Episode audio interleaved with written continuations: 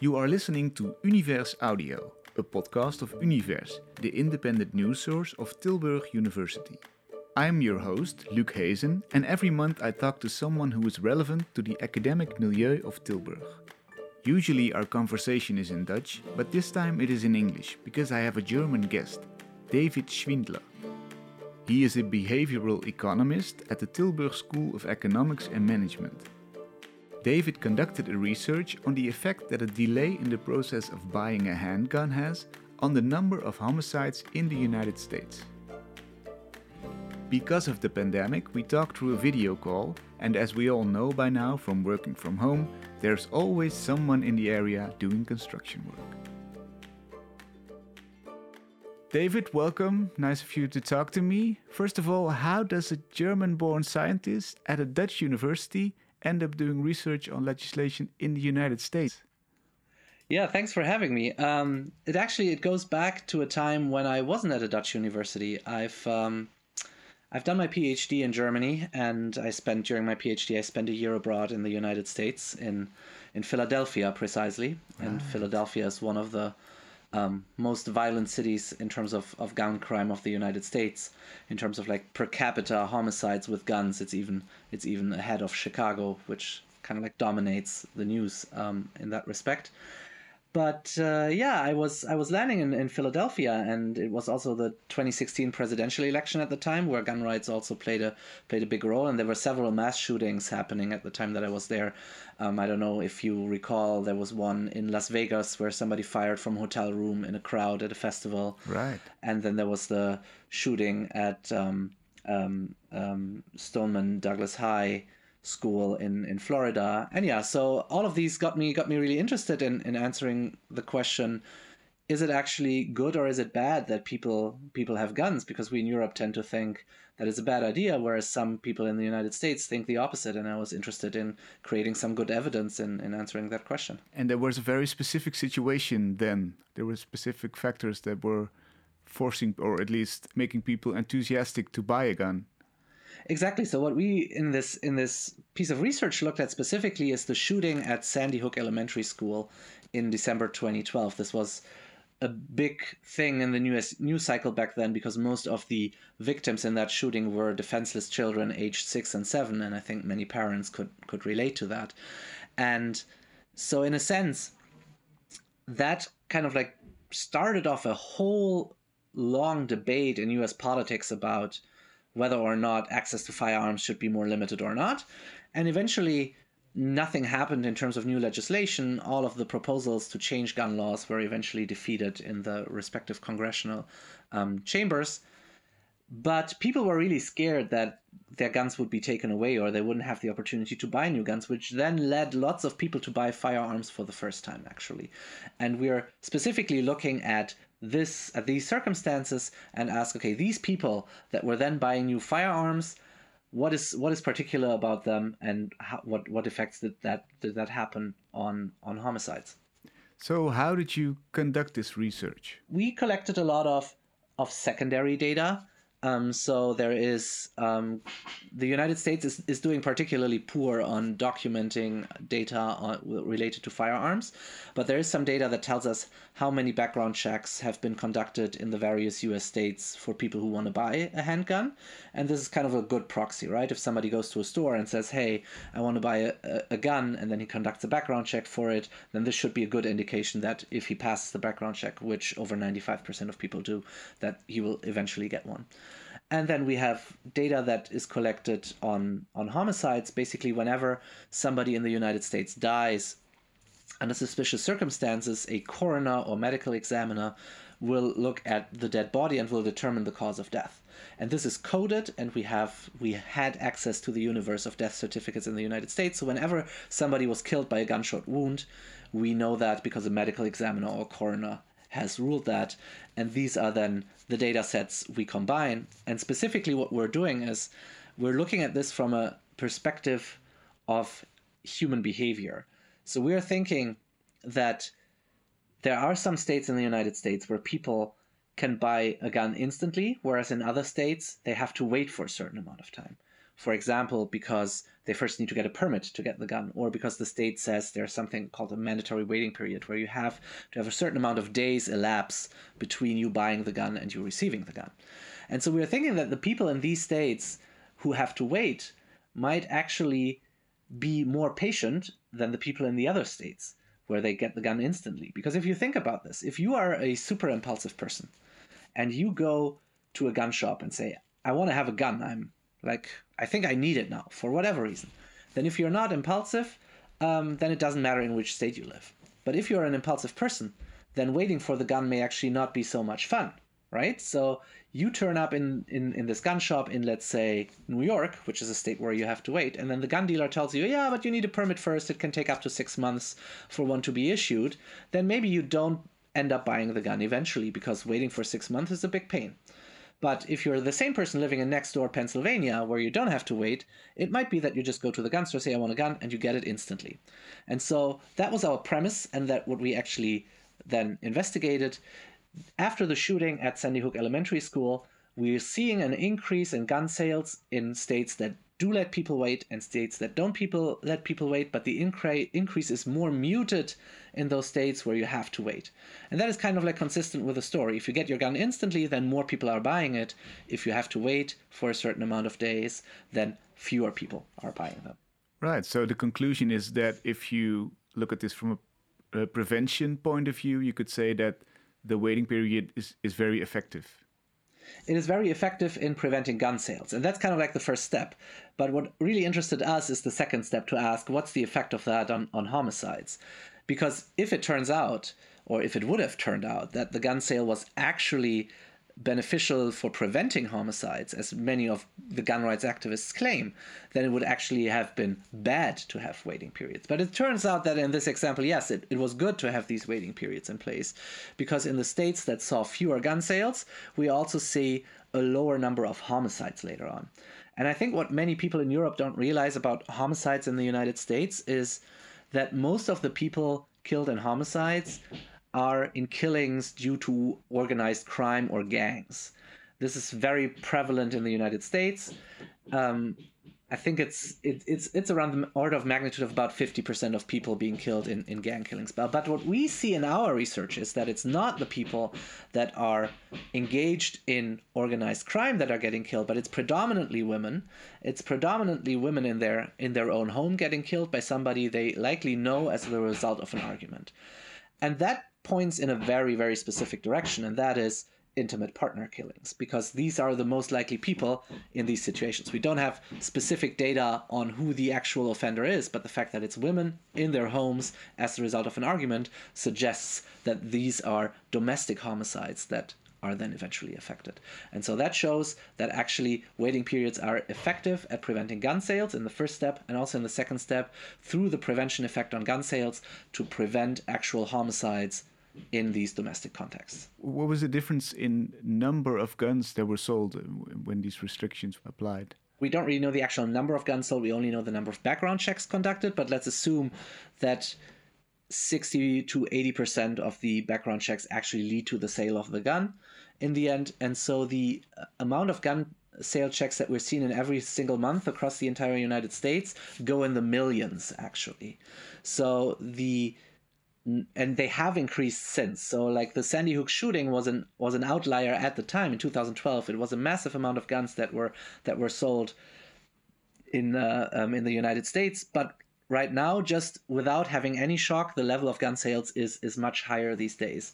So the U.S. are on an increasing trajectory when it comes to to the sale of guns. Yeah, and is there a percentage that you can uh, link to this waiting period? Yes, yeah, so we can we can say so that about six percent, uh, six to eight percent of lower gun sales wow. is what we observe in these states with waiting periods, and then we observe um, an about two percent decrease in homicides. And this is this is actually quite a lot because again in Europe we're not really used to having a lot of homicides, but a two percent decrease in homicides means that in six months alone in the United States, about 200 people could have been saved from from being murdered. 200 um, people. Yes, in six months only. So, and these the effects go longer, right? If you if you're thinking about extending the policy to to longer time periods, then you might be able to save a substantial amount of people every six months. We have seen in the news the case of Kyle Rittenhouse, the 17 year old who killed two people during protests of Black Lives Matter in August, who was acquitted later in court. School shootings, obviously, as you mentioned, just recently in Oxford near Detroit. Yes. Could these events have been avoided should there be a delay between buying and getting your hands on a gun? I think in some of these cases it would have been. I think the overall answer to the question is more that there's different types of gun legislation that are effective at, dif- at different things. In the case of, of Kyle Rittenhouse, he wasn't legally eligible to buy a firearm. He got it from a friend who purchased it for him. In that sense, what we need to prevent these cases is that we have a better enforcement of of the laws when it comes to illegally passing down weapons to to other people like having more severe sanctions and actually investigating these crimes more.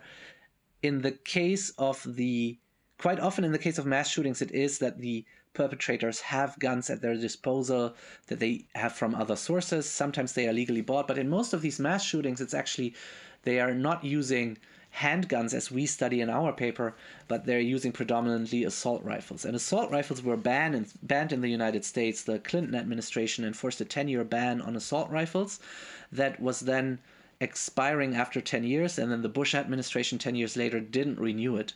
And so this is a very effective tool because assault rifles, I think, um, even gun enthusiasts would agree, do not serve any specific purpose. Like for handguns, you can say they're they're needed for for public safety, they're needed for self defense. Maybe you can make a point for standard rifles that you need them for hunting or sports shooting, but an assault rifle serves neither of these purposes. You cannot carry an assault rifle around in a concealed manner like you can carry around a handgun, which you would need for self protection.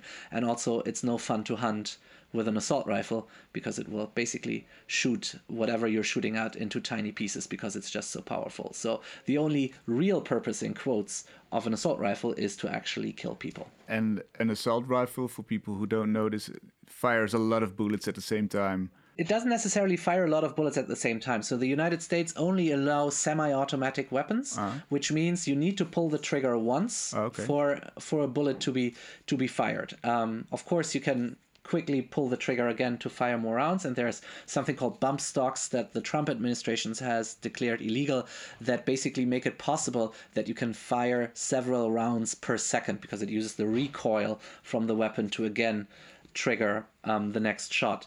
These things are are illegal right now, but they're still still widespread. But what really makes assault weapons so lethal is that they have really large caliber ammunition that has really very destructive effects on what it impacts. If you just if if you look at pictures of a bullet that you see in these assault rifles, those are big and long cartridges um, that make a lot of damage upon impact. Mm. So I can imagine I mean, it's interesting to look at the conclusion of your studies from the Netherlands, but I can imagine that there's a lot of impact of this study in the United States. How have both gun enthusiasts and anti gun communities reacted to this? The good thing about doing scientific research is that it usually takes a long time for policymakers to find out about this. And so far, we've had limited coverage about this in the United States. We've had an article in the left leaning online magazine uh, Salon that, that wrote about it, um, but we haven't, we haven't heard much about um, the politics side of things. My personal feeling is from having done the research in the United States myself is that policymakers have quite often a very dogmatic stance, a very partisan stance on the issue, and it's really hard if you're if you're in that debate to make a point and make sure that people understand that what you're doing is in line with the scientific standards and is not motivated by mm-hmm. your own political views on issues. And that's why it's I, I'm stressing that because unfortunately, the gun literature itself is full of people on either side of the aisle who are pushing a specific agenda and are always finding the same kind of results and sometimes are publicly questions questioned about the methodology that they're using. And for me, it's really important to approach this from a scientific perspective. And that's why I said initially I wanted to find out what the truth is. That is what motivates my scientific endeavors, that I try to figure out what is correct and what is incorrect. And if it goes against my, my own initial perceptions that I had, then that's good. That's what science science should be like. And so in essence, I think because we haven't gone out on the stage and really like pushed these results to let's say gun control advocates, we haven't received that much, much attention yet, but this, the paper has only been published recently, and I hope that it will um, find find its way in, into the policy sphere at some point. You talked about the aisle on left and right side. Maybe this is a solution right in the middle of the aisle because it, exactly. it doesn't prevent people from buying guns, but it does dampen the, the, the harmful effect. Exactly, and I think that's that's a that's a really important point because no matter whether you think people should own guns or whether you think people should not own guns, the Second Amendment to the United States Constitution, in the current interpretation of the U.S. Supreme Court, clearly says people are allowed to have guns. Period. It's a constitutional right, at least in the interpretation, in the most current interpretation of the Supreme Court.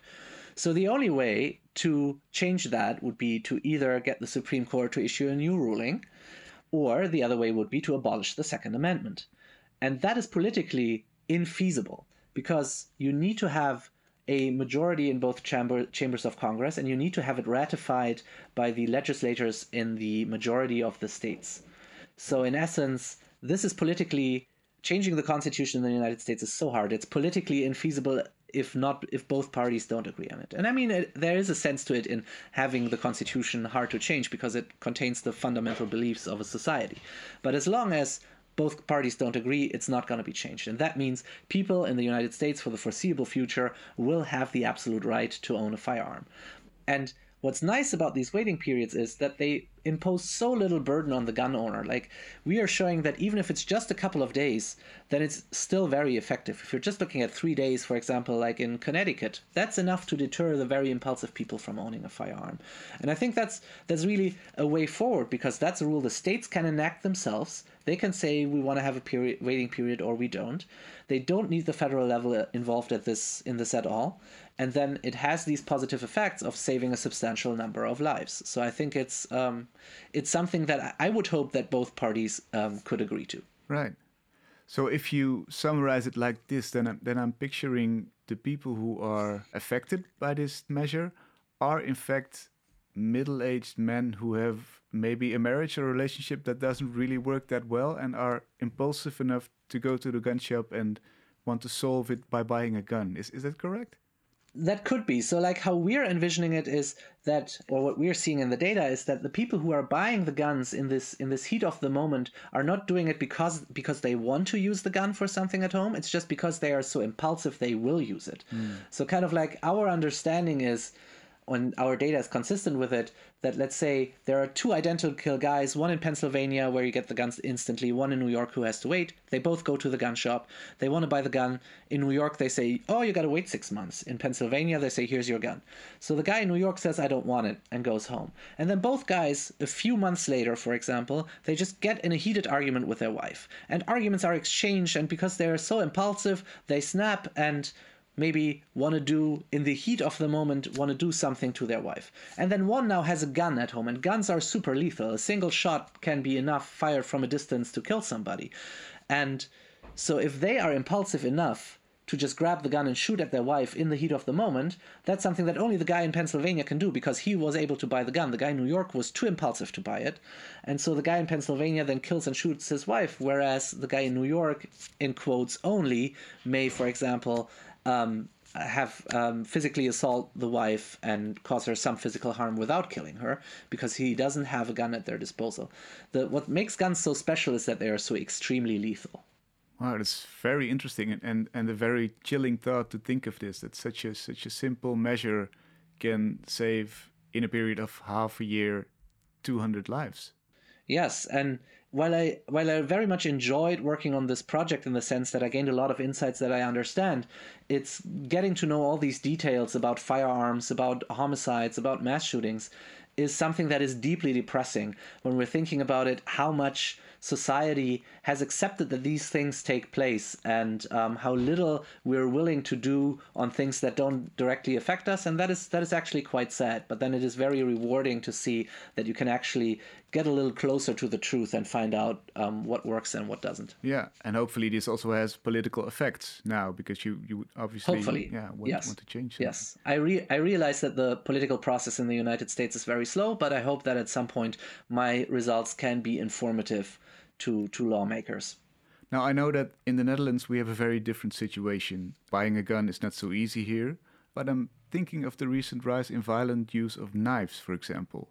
There are shops that don't sell kitchen knives to teenagers. The police organize special events to hand in your weapons. Is what you research in any way relevant to this topic? Are there any lessons that we can draw from this? I think, in some sense, yes, because my research focuses on the impulsive nature of, of these of these crimes and of, of buying a gun, and I think the the story of shops not selling kitchen knives to to teenagers is exactly the same kind of story, right? Like teenagers think they need the knife for something. They may be impulsively uh, going to the gun sh- uh, to the to the to the kitchen shop and say, "Let let me buy a kitchen knife," and then eventually the shop declines them, and then maybe they overthink it. So I think, of course, we need to have reliable evidence on that. And I don't have any, any evidence on the effectiveness of that, but I think it certainly sounds like it's a it's a promising approach. What is the most fascinating thing about this research to you, having done it?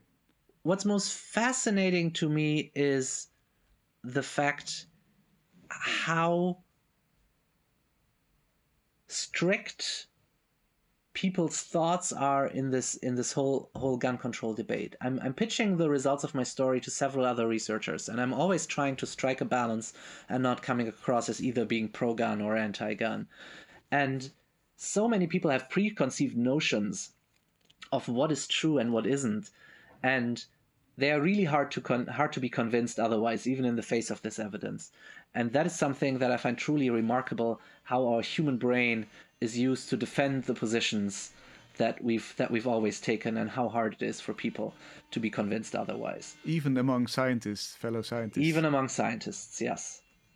So what does that mean? Is is that a do you still believe in in science as to be effective for changing things or I do. I think it just it just takes time and constant repetition, right? And also we as scientists we should all know if 10 studies have shown something is true and then one study comes around and shows something is not true then we shouldn't completely revise the belief just based on that study we should just move it and be open to other things and i think what that implies is that we need many more studies like the ones that we have done. And if we have consistent results that always show the same in every case, then I think at some point we can build the confidence of, of saying um, guns are going to be harmful to people. And there is a lot of lots of evidence out there already. And I think it just it just takes time, and um, people need to need to accept that there are results that go against their their initial beliefs, and that is a lot of work. But I think eventually we'll get there. Okay, thank you. Is this um, research going to be conducted any further, or are you done with the topic now? We are working on on some some other research. We want to find out how the uh, proximity to living to a gun store is going to affect people's likelihood to buy a firearm and how they're going to use it in extreme situations.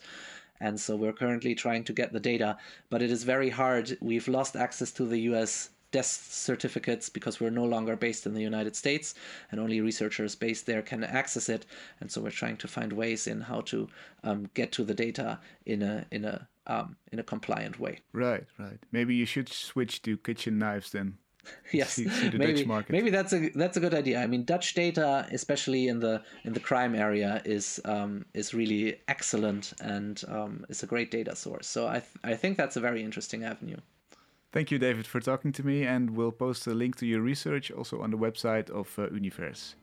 That sounds great. Thanks for having me. This was episode 5 of Univers Audio. Number 6 will appear at the end of December.